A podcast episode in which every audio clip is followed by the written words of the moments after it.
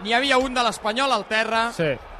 Han rematat, la pilota toca el pal i Sergio Álvarez ha acabat empenyent aquesta pilota al 97 i mig. A veure què diu el bar. Però ha rematat sol. Jo crec, que, sol. jo crec que és l'home que fa caure, o almenys el que està emparellat amb el jugador de l'Espanyol que acaba al terra, aquí acaba marcant el gol. Veurem la repetició, però a mi em sembla que és ell precisament qui està emparellat amb el jugador doncs- de l'Espanyol que va a terra. S'empenten els dos. És, és autogol de Puado, eh? És autogol de Puado. Jo, jo, jo crec que és falta d'Arvilla, no? No, Se'l treu de sobre, però de mala manera, no? Jo crec que serà A veure... vàlid, eh? Home, sí, li fot, Home, li fot una sí, sí, empenta. És gol, és, És gol. gol. És gol i a l'Espanyol li quedarà penjar una pilota. La pengen per Ramon. La té Aguado, zona de tres quarts, penja, la penja, la penja, la penja, l'Aguado continua, la dona a l'esquerra, Brian Olivan, pot evitar el fora de banda, un altre cop per Aguado, va que en queda una, la centrada d'Aguado, pot ser bona el segon pel Braithwaite fora. La rematada de Braithwaite fora i això s'acabarà aquí. S'ha acabat. S'ha acabat el partit, l'Espanyol ha perdut dos punts en l'última jugada. En l'última jugada.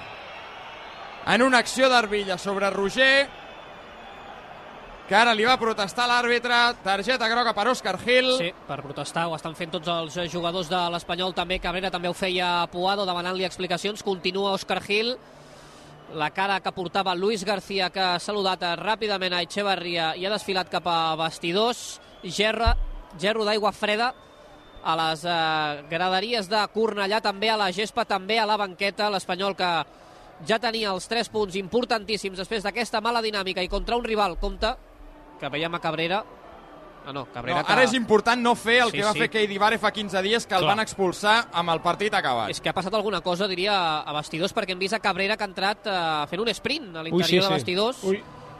No sabem si ha passat alguna cosa allà dins. També veiem alguns jugadors de la banqueta que entraven eh, a córrer cuita per veure què estava passant i per evitar el que estàvem comentant.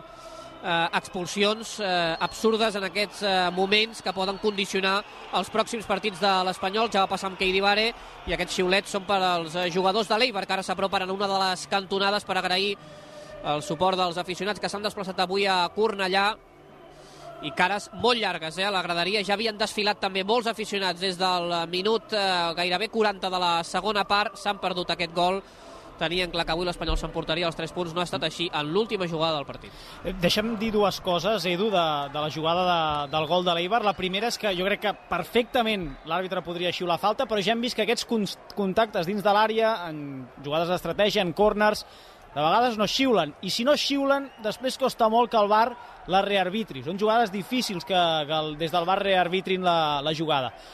Tot i això, el jugador que queda sol de l'Eibar no queda sol per la falta que hi ha. Queda sol per, perquè, Perquè hi ha un, sol. un error de marcatge. Això una. I dues, si Puado potser es comunica millor amb el porter i no la intenta rebutjar, eh, la jugada no acaba en gol. Ell, evidentment, eh, intenta fer el, tot el possible perquè, per rebutjar la- l'esfèrica que està sobre la línia, però jo crec que si no fa el gest de rebutjar-la i la deixa morta, la jugada no, no acaba amb aquest desgraciat gol de l'Eibar, empat a 1, Espanyol 2, Eibar eh, 2.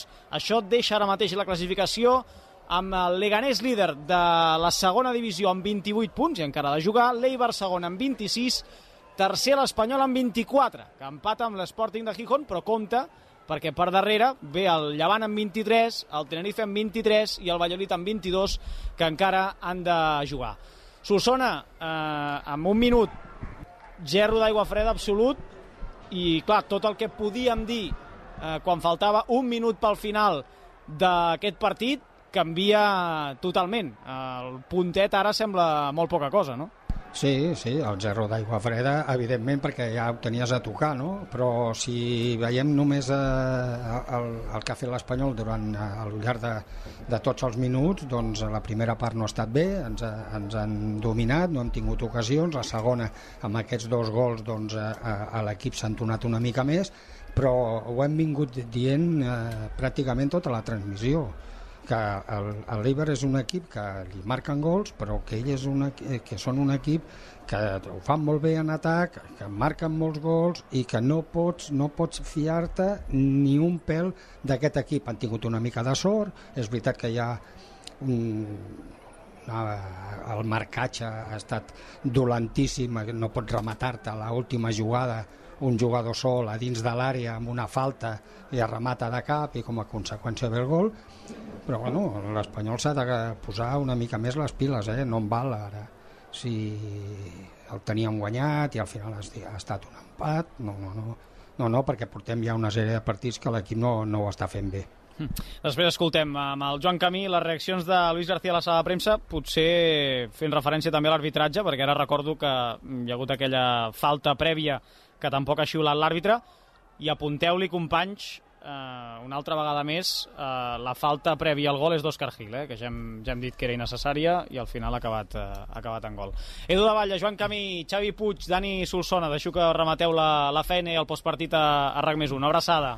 Perfecte, fins ara, doncs amb en Puado atenent la televisió, amb la primera resposta, s'ha dit que, que deia, dubtava de, de la falta eh, que ha acabat generant el gol. Per mi la falta sí que existeix, és que n'hi ha una de prèvia, que hauria d'haver xulat l'àrbitre, i per tant ens hauríem estalviat la d'Òscar Gil, i en l'acció dins l'àrea jo crec que no passa res si acaba xulant també la falta en un cop a la pilota centrada. Però eh, al final l'Eibar ha acabat eh, igualant aquest empat a dos que, com deia el Ballera, deixa l'Espanyol tercer ara mateix amb 24 punts, a 4 del Leganés, que encara ha de jugar i encara veient com l'Sporting, el Llevant i el Tenerife i el Valladolid el podrien superar a la classificació aquesta jornada que tot just acaba de començar aquest divendres. Mira, farem quatre anuncis, el camí que baixa cap a la zona mixta i sala de premsa per escoltar Luis García i si apareix algun eh, jugador i acabarem d'analitzar aquest empat a dos avui entre l'Eibar i l'Espanyol, entre l'Espanyol i l'Eibar a Cornellà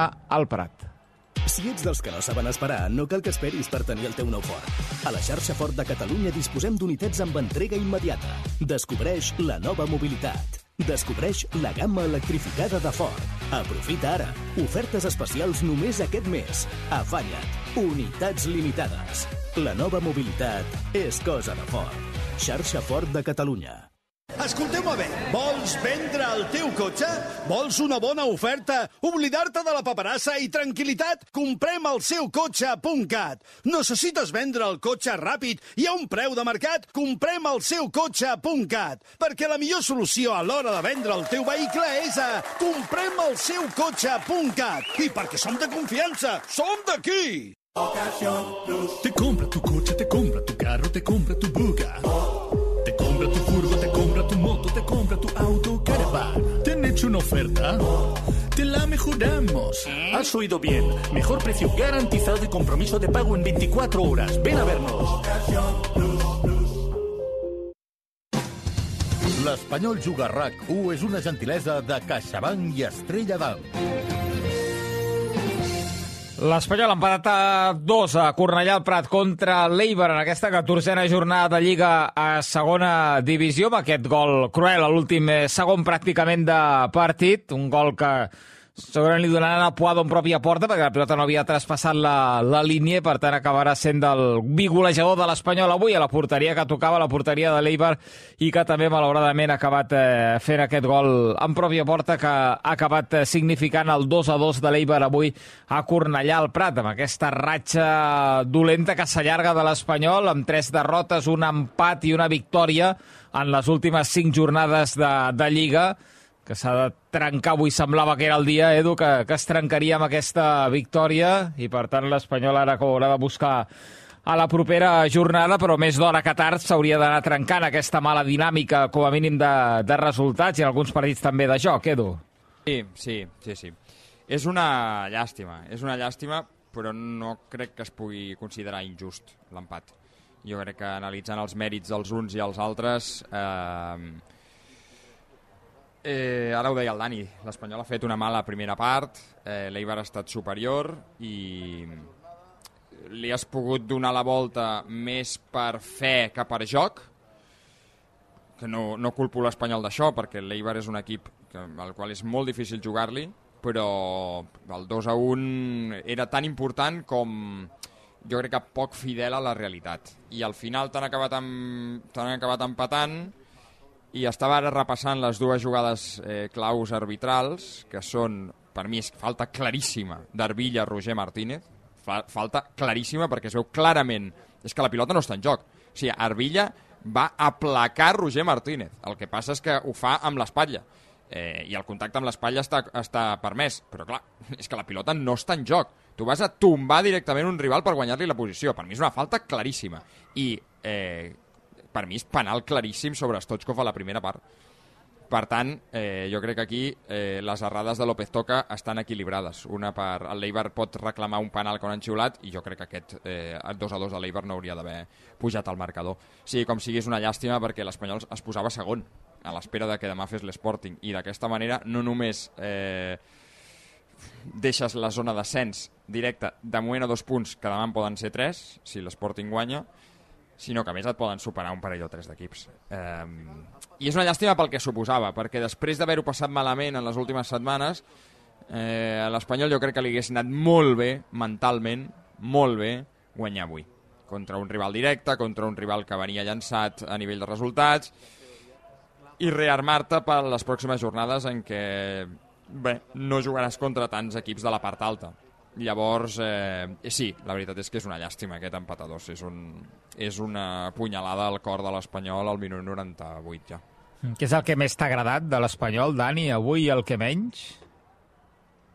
El que menys eh, és eh, la, la proposta que, que ha fet Luis García al principi de, de partit, no? que jo no tenia molt clar si serien 3, 4, ho hem anat explicant aquí, que si pujava Olivan es convertia en 3 amb Sergi Gómez i al mig del camp em semblava tot una mica massa moure masses peces de, de lloc i que els jugadors potser no, no, no captessin bé, ben bé la, la idea que, que, que ha transmès Luis García no?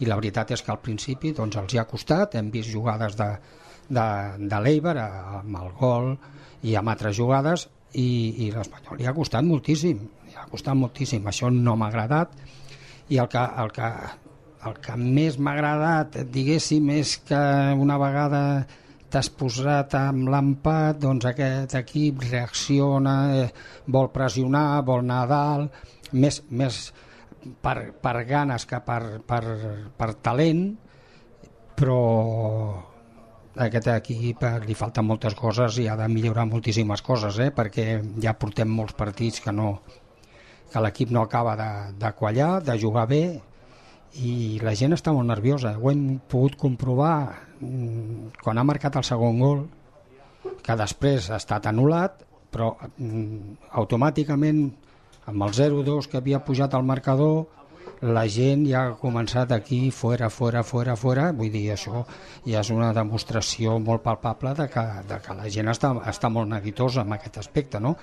Bueno, I al final és una llàstima, és, és veritat que és una llàstima que 2 a 1 amb una falta que no era o era falta primer a favor de l'Espanyol, bé aquesta jugada desgraciada, el, el jugador sol, el segon pal que remata, que, no, que dius com pot estar un jugador sol no? i d'aquestes característiques doncs eh, aquestes jugades passen i empates, a, i empates al partit no toca una altra cosa que, que, començar a guanyar i ara vindran rivals que en teoria en teoria doncs eh, has de guanyar. No sé si anem al camp del Huesca o... ve l'Elx, vas a Osca ve l'Elx, vas a Oviedo no, perdona, ve l'Alcorcón també i vas a Oviedo.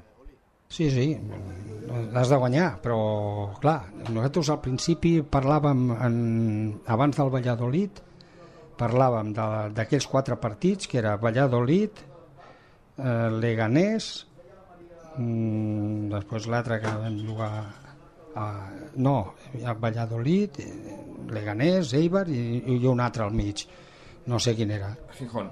I a l'Sporting. Doncs aquests quatre partits, a veure quin, quins resultats. I la veritat és que mm, ja l'hem vist, no? Mm, vull dir, l'equip eh, Luis García ha de, ha de, ha de no sé, hi ha molts lesionats, és veritat que hi ha jugadors que no que cada vegada n'hi han més, avui un altre o dos més, però bueno, això passa a molts equips, però, però l'equip ha de reaccionar, perquè és que aquesta a, a, acabarà el diumenge o el dilluns si hi ha algun partit encara, que depèn del que facin altres equips que estan per sota un punt, si guanyen et, et col·locaràs setè o vuitè I la gent es posa nerviosa. Dir que s'han de posar les piles aviat, eh? Sí, sí, realment sí. Aquesta jornada, eh, com dèiem, el Leganés al camp del Cartagena. Mm -hmm. Demà tenim un eh, Llevant Mirandés, un Valladolid Tenerife. Diumenge aquest Cartagena Leganés, dilluns un Saragossa Oviedo diríem, no? que són els partits Sí. així de, dels equips de- d'aquesta zona alta. Vaja, Et poden avançar tres equips, no? que no, com a- no l'he dit, em sembla. L'Sporting juga demà al camp del Villarreal B, el tens empatat a punts ara mateix. Et poden avançar tres equips eh, i acabar sisè, perquè Tenerife i Valladolid s'enfronten entre ells, si no en serien quatre. Però l'Sporting només que puntuï demà a Villarreal ja t'avança, el Llevant, si li guanya el Mirandés, ja t'avança, i el Tenerife-Valladolid, si un dels dos guanya, t'avança també. També és veritat que la, el segon, que ara mateix és la referència de l'ascens directe, i ho serà, i és el que jo crec que més has de mirar, eh, eh, la segona plaça ara mateix la tens a dos, i si no guanya l'Sporting demà, la tindràs a dos. Si guanya l'Sporting, la tindràs a tres. I ara sobre... Si jo vull Si pensar... guanya el Leganés, el tindràs a 7. Sí, el líder el tindràs a 7. Sí, sí, sí, sí. Això és cert. Però és veritat que ara s'obre una un període de partits en què jugues contra equips que estan a mitja taula, mitja taula o, o zona baixa de la classificació. Osca, Elx, Alcorcón, Oviedo, i després ja vindrà el, el Saragossa. El- El l'Elx no el contis, eh? Que l'Elx et guanya i es posa ja un punt teu, eh? O dos, eh? Sí. Vull dir que aquí... Si l'Elx hi guanya aquesta jornada, se't posa a dos, ja. Sí. Deixa'm cantar al final del partit de primera amb la victòria de les Palmes, finalment, 2 a 1 contra l'Atlètic de Madrid, segona derrota tot just de la temporada de l'Atlètic de Madrid. En aquesta classificació de primera divisió, l'Atlètic de Madrid queda tercer amb 25 punts, a 3 punts del Real Madrid i del Girona. Per tant, allò que dèiem d'aquell partit ajornat que té l'Atlètic de Madrid, que si el guanyava eh, igualaria amb el Madrid i, amb el Girona, vaja, veurem què, què acaben fent aquesta jornada Madrid i Girona, però ja aquella teoria, aquell compte de lletera, ja no, ja no s'aguanta. I el Les Palmes ara mateix és novè amb 17 punts, els mateixos que el Betis i que el Rayo Vallecano, a un de zona europea, i mirant per baix 11 punts per sobre del tercer per la cua, que és el Celta amb 6 d'en García Pimienta que ara porta mira, 4 victòries en els últims 5 partits en les Palmes eh?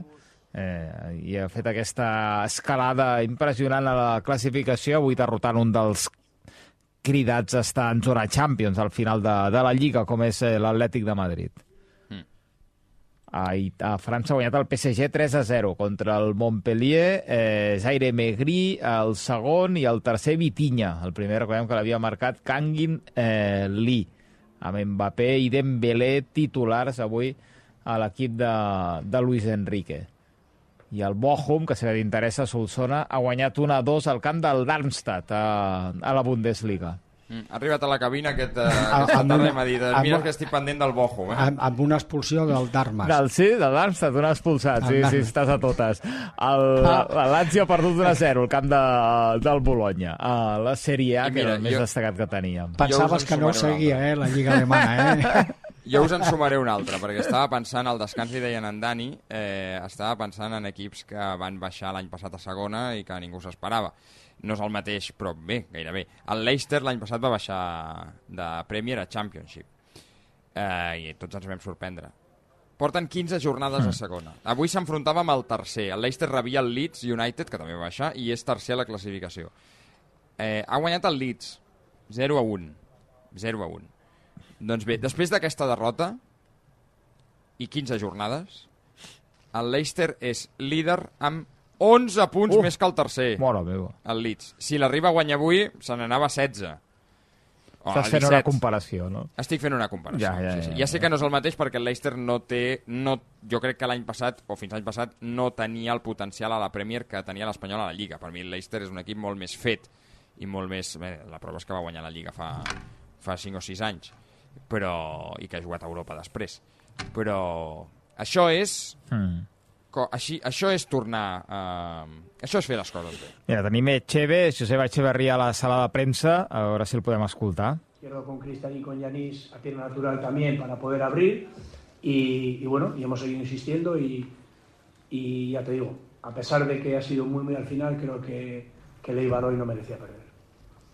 El, el final ha sido controvertido, se, se- se queja el, el español de que hay una falta ahí eh, en el momento en el que se, vota la, falta desde la, desde la izquierda. ¿Cómo ha visto esa última jugada?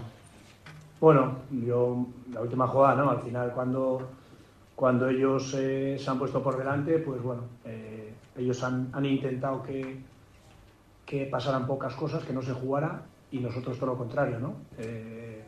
A ver, yo creo que, que más allá de, de jugadas puntuales, bueno, nosotros tenemos que valorar el conjunto de cada partido y, y ahí pues, estoy muy orgulloso de, los, de mis jugadores, creo que se han vaciado, creo que están haciendo un, un grandísimo trabajo, están creyendo en lo que están haciendo y, y nos llevamos un punto muy merecido.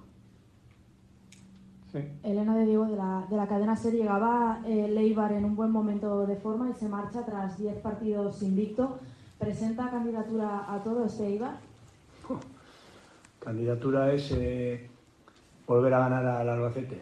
Eh, esto es muy largo, eh, de hecho nosotros sabemos de dónde venimos, en las primeras jornadas nos costó mucho encontrar nuestro juego, de hecho no solo estuvimos en descenso, sino estuvimos últimos y bueno, y ahora estamos posicionándonos bien. Esto es muy largo, eh, al final yo creo que lo importante es posicionarse bien eh, y estar en los dos últimos meses fino y, poder llegar bien a nivel físico y sobre todo a nivel mental, ¿no? Para, para, bueno, para intentar eh, competir esa recta final, pero bueno, eh, me gusta lo que veo en el día a día, creo que, que entrenando así eh, podemos competir bien como lo estamos haciendo y, bueno, y, y ha sido una buena semana para nosotros, después de ganar a, al Valladolid, después de ganar al Lorca en Copa y, y hoy no perder aquí, creo que, que podemos estar contentos. ¿Una cosa más? Sí.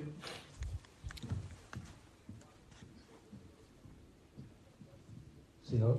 Hola, buenas noches, señor. José Agustín Cero. Eh, la primera parte en la que ha destacado el juego del equipo, ah, han cargado muchas acciones por el sector donde se mordía Víctor Ruiz y es donde han tenido el gol y donde han generado más ocasiones. ¿Había alguna indicación especial de buscar ese sector, un jugador que debutaba por primera vez como titular esta temporada y que se ha incorporado a última hora al español?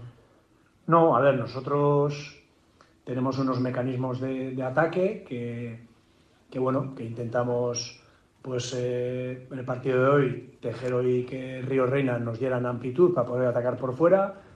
Después, adelantando la posición de Stoikov, juntándose a Bautista, que nos dieran profundidad. Y luego los de dentro, Sergio Mate, eh, Ager interiorizado y Mario, que nos dieran juego interior. Eh, bueno, creo que, que lo hemos hecho bien, eh, pero bueno, no es porque hubiera un plan de partido eh, para un jugador determinado de, del español, sino simplemente, pues bueno, queríamos tener esa variedad de ataque, ser un equipo peligroso por fuera, tener la profundidad eh, constante de Stoikov y Bautista para, para ganar a espalda de, de los centrales y, y después los de dentro generar juego interior. ¿no? Creo que, que hemos estado muy bien. El segundo tiempo ha sido mucho más difícil porque, porque bueno, el, el español paraba el juego constantemente, eh, bueno, se ha replegado, nos ha costado, pero bueno, creo que después de, de abrir mucho el campo hemos podido llegar y, creo que el, que el empate es justo. ¿Listo? ¿Vale? Muy bien. Gracias. Gracias. Bona nit. Bona nit. Doncs fins aquí les paraules d'Echevarria, eh, satisfet amb l'actuació del seu equip. Ha dit que ha fet moltes coses bé l'Eibar avui a Cornellà i que bé, doncs eh, aquesta eh, competició, com solen dir tots els entrenadors d'aquesta categoria, és molt llarga. Ara l'Eibar està a la part alta de la classificació, va començar eh, amb moltes derrotes, fins i tot en l'últim, ens ha recordat, però ara eh, són 10 partits invicta, 8 eh, victòries, 2 empats els que acumula l'Eibar l'Eibar d'Echevarria. Doncs amb aquesta frase la, és molt llarga la segona i, no, i tenen raó, és veritat. Eh, vull dir, no diuen cap mentida, eh? tu. Són eh, 42 jornades, per tant és, eh, és llarguíssima i tot just som a la jornada 14. Eh, vull dir que queda, queda un bon. De fet, és, avui complim un terç clavat de- d'aquesta lliga de, de segona divisió. Avui, avui el primer terç eh, complet amb aquesta catorzena jornada. A mi m'ha agradat molt l'Eibar, m'ha agradat molt l'Eibar. Eh, tant o més del que em va agradar el Leganés. Molt més, de fet, més perquè el Leganés eh, va plantejar un altre partit i li va sortir a la perfecció el que volia, va fer perfectament el que havia de fer. L'Eibar, sense fer-ho tan bé, per mi ha merescut mínim l'empat. Estic d'acord amb Josep Echeverria i és que a més és un equip molt més propositiu i molt més interessant de veure que no pas el, el Leganés. Jo crec que els dos són equips que si continuen en aquesta dinàmica estaran a dalt, estaran a dalt segur. Estava, estava mirant unes quantes vegades la jugada del 2 a 2, la falta, i més enllà d'Arbilla i Roger Martínez, és el que deia abans el, el Ballera, que la, la... És, és, és intolerable, és intolerable que hi hagi un rival sol al segon pal que et remati. És intolerable. I estava mirant i la marca és de... Hi havia gent que comentava, no, la marca és d'Òscar Gil, no, la marca és de Sergi Gómez. I Sergi Gómez defensa el seu home amb la mirada. No pot ser. És que aquestes coses no et poden passar en l'última jugada de partit. O sigui, em, em, sembla, em sembla intolerable. És que no m'ho explico. I no té res a veure amb la falta d'Arbilla a Roger, que per mi és claríssima. Però és que això passa en una altra zona de l'àrea. És que hi ha un dos contra dos al segon pal i Òscar Gil segueix el seu home i Sergi Gómez queda absolutament... I, i ve cap al mig sabent que té la seva marca al darrere. Vull dir, no sé si és culpa de Sergi Gómez, d'Òscar Gil o de que no s'han entès. Però no pot passar, això no pot passar en un partit que havia sigut, insisteixo, pel meu gust, tan generós per l'Espanyol, amb l'Espanyol. El partit havia estat fins al, fins al 2 a 2. Per mi el partit ha estat molt generós amb l'Espanyol. Perquè no, és, no anaves perdent 0-2 a- a la- al minut 40 per mig mil·límetre. Per mig mil·límetre. T'has avançat 2 a 1 perquè Braithwaite s'ha jugat aquella s'ha tret aquella jugada de la màniga, però l'Espanyol no ha estat millor que l'Eibar amb la pilota als peus. No, ha- no ha jugat millor que l'Eibar, ho ha provat, durant molts minuts ha tingut molt més la pilota, ha, diria que ha atacat amb cert criteri, amb cert criteri, sent generós, però per mi el 2 a 1 era, eh, no diré un regal, però era un resultat molt generós per l'Espanyol. I no pot ser que ho llencis tot a la bassa. Per mi és més greu la badada defensiva del segon pal, molt més greu que no la falta que fa Òscar Gil. I aquestes coses no poden passar.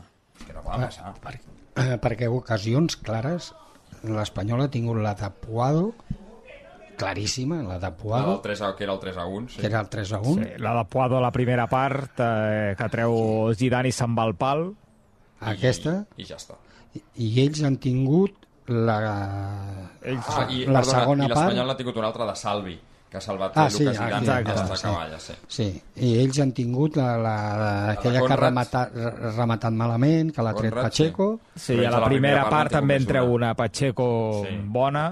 I un xut creuat de Mario, que pràcticament que Mm. passa fregant el pal. No, no, ells, eh, ells amb 0 a 1 n'han tingut alguna més. Sí, sí. En tennis, deixa'm dir que encara hi ha un partit en joc, de fet l'altre dia que van acabar a les 3 de la matinada, eh, uns partits en aquest Masters 1000 de, de París. Djokovic s'ha plantat a les semifinals, ha derrotat eh, Rune en 3 sets, sortirà el seu rival del Deminyau Rublev, que ara mateix és en joc, 4-3 per Rublev en el primer set. L'altre semi la jugaran Dimitrov i Tsitsipas. I també tenim el Masters femení, última jornada de la fase de grups. Eh, Pegula i Sabalenka passen a les semifinals en un grup, a l'altre es decidirà aquesta matinada. De fet, ara tenim un eh, Bondrusova Goff en marxa, Coco Gauff, eh, de moment dos jocs a zero per eh, Bondrusova, acaba tot just d'arrencar aquest primer partit de l'última jornada en aquest eh, segon grup d'aquest màsters femení que s'està jugant a Cancún, aquest màsters femení de, de tennis. I esperant Luis García, que em sembla que comença a treure el cap... No, encara no. Eh, em pensava que ja sortia el tècnic de, de l'Espanyol. Encara haurem d'esperar algun minut per eh, que comparegui perquè ens dongui la seva, la seva visió del que ha vist avui el tècnic de l'Espanyol, que no sempre coincideix amb el que veiem la resta, de vegades sí, però que futbolísticament s'explica i això també és d'agrair. A veure avui què li ha semblat aquest empat i quines notes positives en treu. Aquella abraçada que li ha fet a Salvi, eh, amb el 2 a 1 eh, per aquella, aquell treball defensiu que ha fet eh, Salvi en un moment de, del partit on l'Espanyol eh, patia i defensava el 2 a 1 malauradament al final ha acabat veient com, eh, com encaixava aquest eh, 2 a 2. I mira, deixa'm dir que teníem pendent de dir que el Barça Sant Feliu ha acabat guanyant a la pista del Guernica de, de 3 i que la Champions d'hoquei patins ens quedava pendent el partit del Noia eh, contra el Balongo ha acabat perdent 6 a 4 l'equip eh, català. I ara sí que Luis García treu el cap a la sala de premsa. Anem a escoltar el tècnic de l'Espanyol després d'aquest Espanyol 2 Eibar 2. No mitjà, Joan, com vulguis. Bona nit, Lluís. Joan Camí de RAC, un parell de, de preguntes. Bé, primer una, una valoració de, del partit. Avui has canviat el, el sistema que, que buscàveu. Quina valoració en fas? Gràcies. Bueno, eh, no, no es tanto, tanto cambio. Iba un poco en función de dónde se ubicarán, se ubicara el, el rival. Preveíamos que ellos iban a hacer 2-2-2-2 por dentro, con Stoikov metiéndose desde ese extremo izquierdo a, a punta y con Akeche metiéndose de fuera, de fuera adentro. Eh, ahí queríamos eh, defender con, con los tres de atrás, es decir, Sergi, si se estrechaba Stoikov, estrecharse con él y, y tener esa superioridad de más uno en, en última línea. Y después por dentro todo igualado eh, y ellos tenían un más uno en, en inicio. Principalmente minimizar esos espacios interiores que ellos penalizan mucho con, con Soriano y con el buen pie de, de Akeche y, y a partir de ahí tener esa superioridad a nivel defensivo. I després preguntar-te per la, per la darrera acció del, del partit. Creus que és una falta de competitivitat de, de l'equip evitar aquesta, aquesta falta o hi ha un error arbitral al no assenyalar una, una falta a l'interior de l'àrea? Gràcies.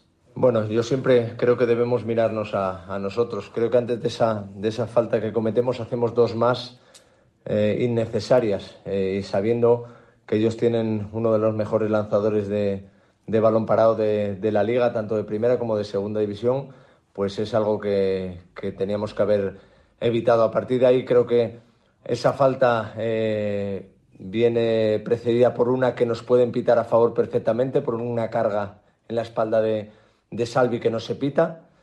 Eh, pero sí está claro que tenemos que defender mejor esa, esa situación, tanto exterior, que era un 3 contra 1 prácticamente, como después la acción posterior. Mister, eh, buenas noches, Francesc Villa para la grada. Le quería preguntar un poco por, por cómo ha vivido el carrusel, un poco de emociones del partido, el mal inicio, luego nos reenganchamos al final del primer tiempo, parece ser que de alguna manera pues, pues eh, se consigue incluso eh, ponernos por delante y al final se pierde en la recta final eh, esa ventaja posible de tres puntos. Eh, ¿Lo damos por bueno, el punto, tal como ha ido todo o no? Bueno, es duro decir que, que este empate ha sido, ha sido bueno. Se me antoja un poco cruel al final el, el partido, sobre todo porque en la primera acción de ellos nos hacen el, el gol en un desajuste eh, en, esa, en esa posición interior de, de Akeche y después eh, el equipo progresa muy bien hasta tres cuartos y ahí nos ha faltado eh, ser más, más determinantes en esos, en esos metros porque el equipo progresaba bien a través de encontrar poco a poco las alturas en el, en el juego. Eh, segundo tiempo, pues se nos ha estropeado un poco todo con, con la lesión de, de Víctor que ha sido obligada, ha obligado el cambio. Y a partir de ahí, pues creo que el equipo ha puesto todo para, para darle vuelta. Eh, creo que hay que darle valor, evidentemente, al esfuerzo del, del equipo porque el Eibar venía con una dinámica muy buena. Hacía muchísimo tiempo que nadie le daba vuelta a un marcador y, hemos, eh, lo hemos tenido en la mano con esa situación de Javi y la de Salvi para hacer el 3-1 y finiquitar el, el partido. Eh, creo que ha sido una pena y sobre todo creo que el fútbol ha sido bastante cruel con nosotros. Eh, le quería preguntar un poco sobre todo el primer tiempo, donde el planteamiento, sobre todo al inicio, no, no acabó de andar bien. Eh, incluso usted a, Grajera entre los centrales haciendo esta defensa de tres. Pareció también que al equipo entonces le faltaba algo eh, justamente en la línea de tres cuartos, para algún stopper, para que nos venían de alguna manera y era muy complicado eh, defender esos ataques. No sé si eso le va a hacer que dar continuidad a esta idea o va a intentar usted adaptarse, depende de, los, eh, de las bajas y altas que tenga, no sé, ¿qué, lectura saca? Bueno, por desgracia tenemos que añadir una, una baja más, que es la de, la de Víctor. A partir de ahí, eh, lo que buscábamos con, con Álvaro y con, y con, José, y con Edu era tener esas situaciones de poder progresar por dentro con jugadores con muy buen pie. Es cierto que ellos no saltaban y nos faltaba ir a dividirlos un poco más en vez de asociarnos desde tan lejos. En el momento que lo, que lo hemos hecho, eh, la situación del gol ha sido una muy, muy buena acción de juego interior, porque ellos al final en, esos, en esa tercera altura no acababan de saltar y, nos permitía girarnos y poder progresar y atacar. Bueno, eh, como siempre os digo, esto eh, depende del rival que tengas enfrente, a partir de ahí piensas que pueden ser mejores unos jugadores u otros, lo que hay que seguir es, es adelante, seguir trabajando para, para mejorar, para, para, mejorar y minimizar los errores que podemos tener y seguir potenciando las cosas que hacemos bien.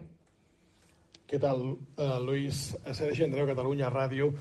Um, en aquest tram de temporada en què els resultats no acaben d'acompanyar, uh, tens la sensació que la gestió de les emocions dels jugadors durant el part els partits són importants? Ho dic perquè potser ha estat una sensació meva i, i m'equivoco, no sé com ho veuràs tu, eh?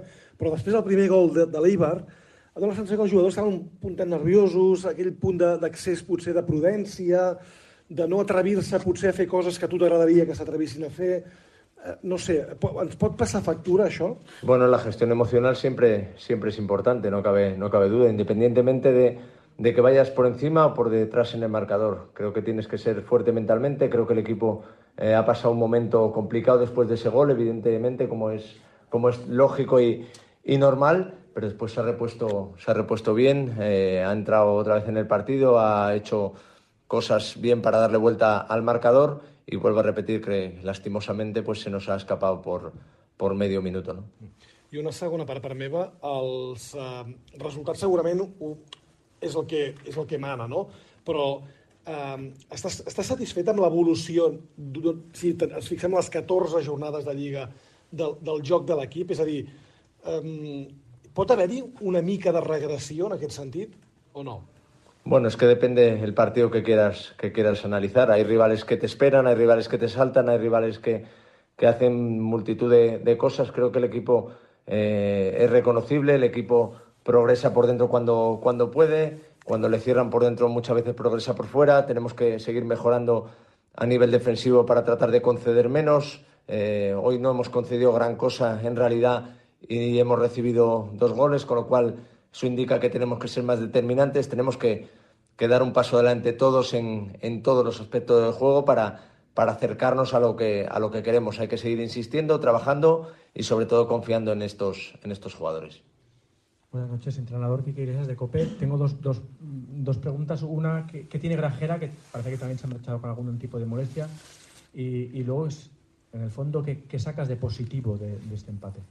Bueno, eh, Grajera creo que simplemente es un, es un golpe y positivo pues creo que se pueden sacar muchas cosas, que el equipo cree, que el equipo tiene corazón, tiene ganas, tiene, tiene ilusión por, por salir adelante y que después encima en ciertos momentos cuando se atreve de verdad tiene, tiene fútbol, ¿no? Eh, en ese sentido estoy tranquilo, ya lo sabéis que estoy muy agradecido a, los jugadores por cómo viven los partidos, porque no es fácil gestionar las emociones como hablamos anteriormente y, ellos están tratando de hacerlo lo, mejor que pueden.